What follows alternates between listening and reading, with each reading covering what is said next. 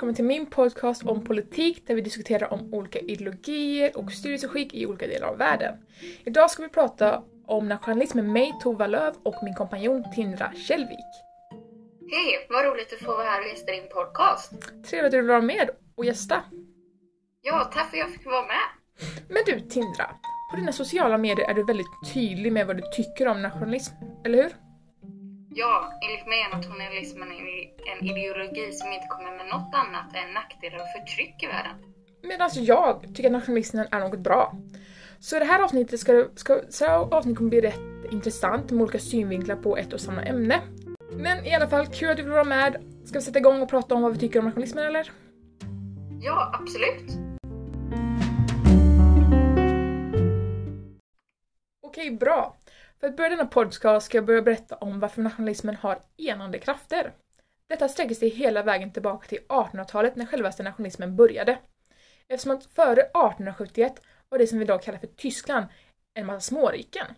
För att vara mer exakt 38 olika riken. Alltså, det var inte en nation utan olika furstedömen. Ett av de furstedömen som växte fram, som också blev ett av de starkaste, var Preussen. 1871 enades då enas Tyskland till ett land genom att Otto von Bismarck, Preussens ministerpresident, förde krig med sin armé mot närliggande länder som Österrike, Danmark och Frankrike. Det var det här som enade Tyskland till ett, ett endaste rike. Man, man hittade gemensamma motståndare genom att dra in rikena till ett, till ett eh, samarbete med Preussen. Ja, jag håller inte alls med om nationalismens enande krafter. För nationalismen är raka motsatsen. Det är splittrande krafter.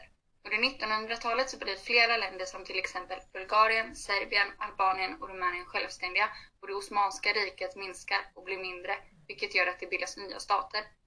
Det börjar bli gräl mellan staterna och Balkankriget sätter igång 1912 till 1913, ett år innan första världskriget bryter ut. Anledningen till varför kriget startade var de nationalistiska tankarna om ett folk, ett språk, en kultur ska tillhöra ett land. Detta gjorde att man ville att serberna, bulgar, bulgarierna och rumänierna skulle ha varsitt rike.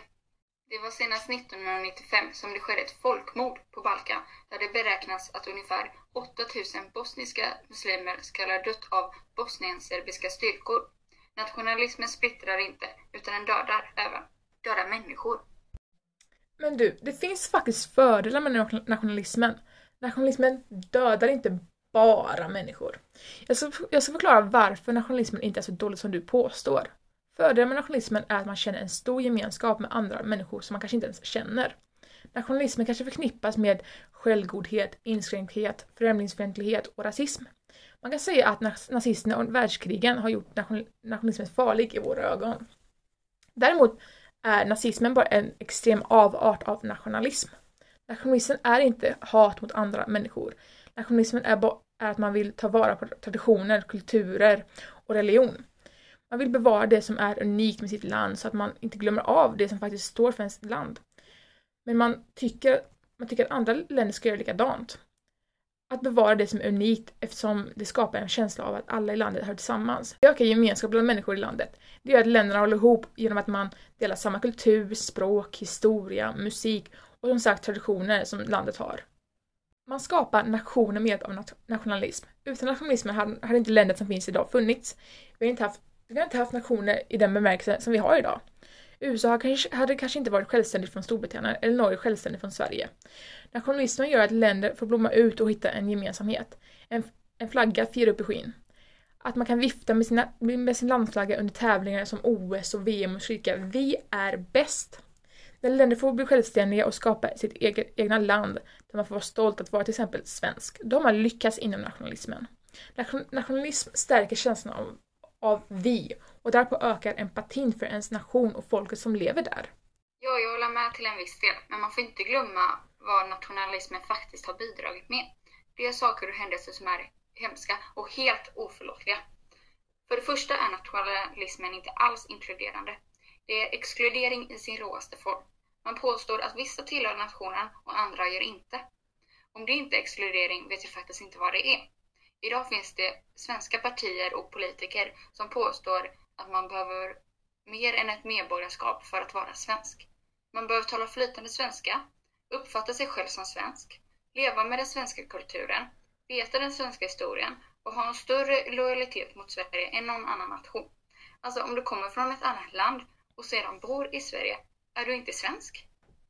Jag kan alltså komma från USA, Syrien eller Norge och bo i Sverige i flera år och inte uppfattas som svensk bara för att jag fortfarande firar Norges nationaldag eller fortfarande bryter på arabiska eller fortfarande är en stolt amerikan. Det här skiljer på människor i ett land. Varför ska man bry sig om någon fortfarande bryter på arabiska? Är det inte bättre att bry sig om de som bor i Sverige? Känna att alla i Sverige är lika? Många nationalister säger att nationalismen tar vara på den svenska kulturen, språk och traditioner. Men vad är en svensk kultur? Vad är svenskt? Köttbullar? Sill? Surströmming? Jag vill inte trampa någon på tårna, men är sill och surströmming något vi måste bevara? Det här är eh, så nationalismen stoppar utveckling.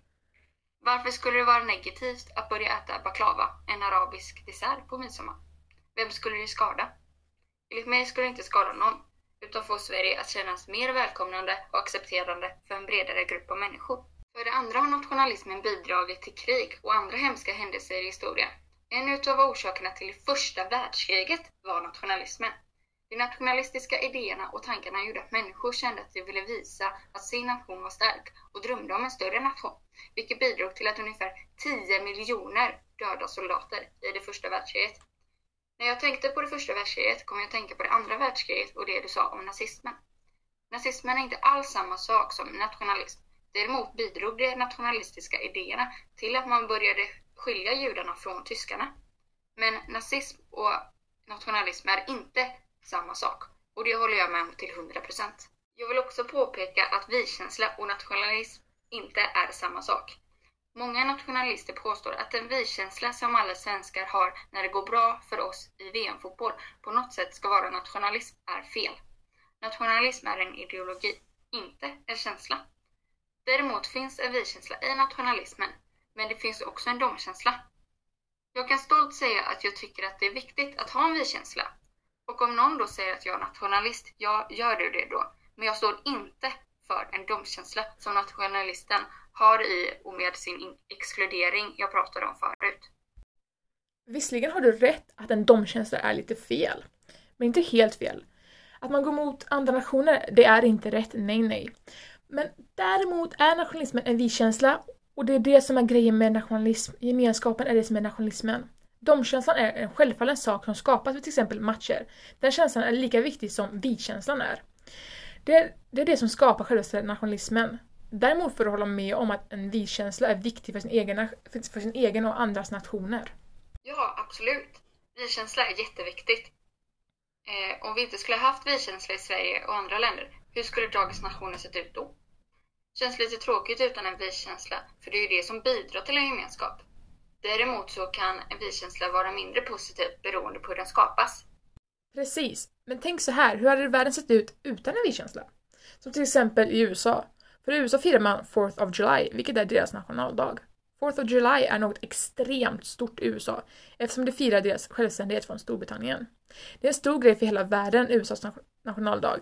Alla vet när den är, alla kommer på något sätt och vis får ta del av den. Kanske känner man till och med en liten del utav avundsjuka på att vi i Sverige inte har samma typ av vi-känsla. I Sverige firar vi med flaggor i topp och säger kanske hej till grannen under vår nationaldag. Men i USA firar man att de i det landet har lyckats, att, att de tillsammans är självständiga. Man firar med raketer, god mat, man festar med vänner och familj hela natten. Hela landet samlas för att ha kul. Fourth of July är ett stort, är ett stort firande för alla amerikanska medborgare. Det är deras nations gemensamhetskänsla. Och vi-känslan är så lätt att uppnå och så viktig för att en nation ska finnas kvar och må bra. Fotbolls-VM, ja det är en stor gemensamhetskänsla för alla länder. Det var som fotbolls-VM under 2018. Folk träffades bokstavligen utomhus med Sverige-matchörerna på och tittade på matchen tillsammans på stora skärmar som om det vore en utomhusbio. Alla var där för samma sak, stå upp för sin nation och fira tillsammans. Men i jämförelse med USA så har Sverige inte en lika stark vi-känsla. Men frågan är ju hur det påverkar nationalismen om vi inte har en lika stark vi-känsla. Är nationalismen önskvärd? Förstärks eller försvagas den? Vad säger du Tindra? Ja, det är en klurig fråga. Nationalismen har ju varit något fint. Inte bara i Sverige utan stora delar av Europa. Man var stolt över att vara nationalist. Idag skulle jag säga att den stoltheten inte finns kvar på samma sätt. Det är nästan lite skamset att vara nationalist för många i Sverige. Det kan ju vara så att man är rädd för att bli stämplad som rasist. De allra flesta i Sverige vill såklart undvika att bli kallade nationalist, men på något sätt har det blivit extremt att vara nationalist. Man kan anses som rasist. Bara man hyllar sitt land eller hissar upp den svenska flaggan riskerar man att bli kallad för nationalist som något negativt. Men enligt mig har nationalismen mer än att göra än att hylla sitt land. Det finns fortfarande partier och politiker i Sverige som förespråkar nationalism, även fast de själva inte skulle kalla sig själva för nationalister, då det blivit förknippat med rasism. Så nationalismen lever ändå kvar i Sverige, eh, trots namnet nationalism har blivit smutskastat. Men samtidigt så finns de nationalistiska idéerna kvar i Sverige. Nej, och jag ska inte heller påstå att nationalismen är så värst önskvärt längre. Vilket jag, vilket jag tycker är tråkigt. Däremot ska jag inte påstå att den stärks särskilt mycket heller i Sverige. Men inte på det viset att nationalismen utplånas, eller för den delen. Vi lever, vi lever inte som om Sverige är en ensam nation som lever utan andra nationers påverkan. Vi är med i EU, EU som påverkar Sverige en hel del med sina lagar. Sverige är inte ett helt självbestämmande land som nationalisterna vill det ska vara. Det ser inte heller ut som vi kommer lämna EU. Vi vill vara med och hjälpa andra länder, inte bara tänka på oss själva. Jag skulle inte anse att Sveriges nationalism blir allt starkare, men nationalismen försvinner inte heller. Vi har vår typ av gemenskap i, i landet, speciellt när det kommer till sporter och nationaldagsfirande. Då är vi själviska, vi älskar vårt land och att vi är svenskar. Hela landet samlas. Dock är vi inte ett land som klarar, klarar oss utan andra länder. Vi är självständiga, men inte en nationalstat. Ja, om vi kollar på hela världen ser ut så är det många länder som blivit mångkulturella. Detta för att det pågår en global och omfattande migration i världen. Med de flyktingar som flyr till länder så kommer det nya kulturer, vilket antingen accepteras eller inte. Globalt sett finns det länder som är mångkulturella men som vill bli mindre mångkulturella om man kollar på politiken. Till exempel USA. Men det finns även vissa länder som inte har problem med mångkulturella länder eh, som kan minska chansen till en nationalstat.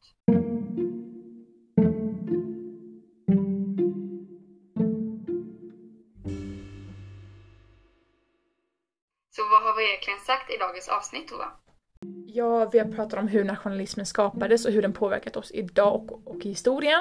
Om den splittrar eller enar nationer. Vi har pratat om både för och nackdelar med nationalismen. Ja, och sedan har vi pratat om vi-känsla och hur viktig den egentligen är. Och till sist har vi pratat om hur önskvärd nationalismen är och ifall vi går mot en förstärkt eller förminskad nationalism. Ja, och det var allt för dagens avsnitt med mig, Tova och med Tindra. Hoppas ni, hoppas att ni tyckte om avsnittet. Ja, och det var roligt att få med i dagens avsnitt och prata om ett så intressant ämne. Det var kul att du ville vara med. Så vi önskar er en fortsatt trevlig dag. Hejdå! Hej för mig!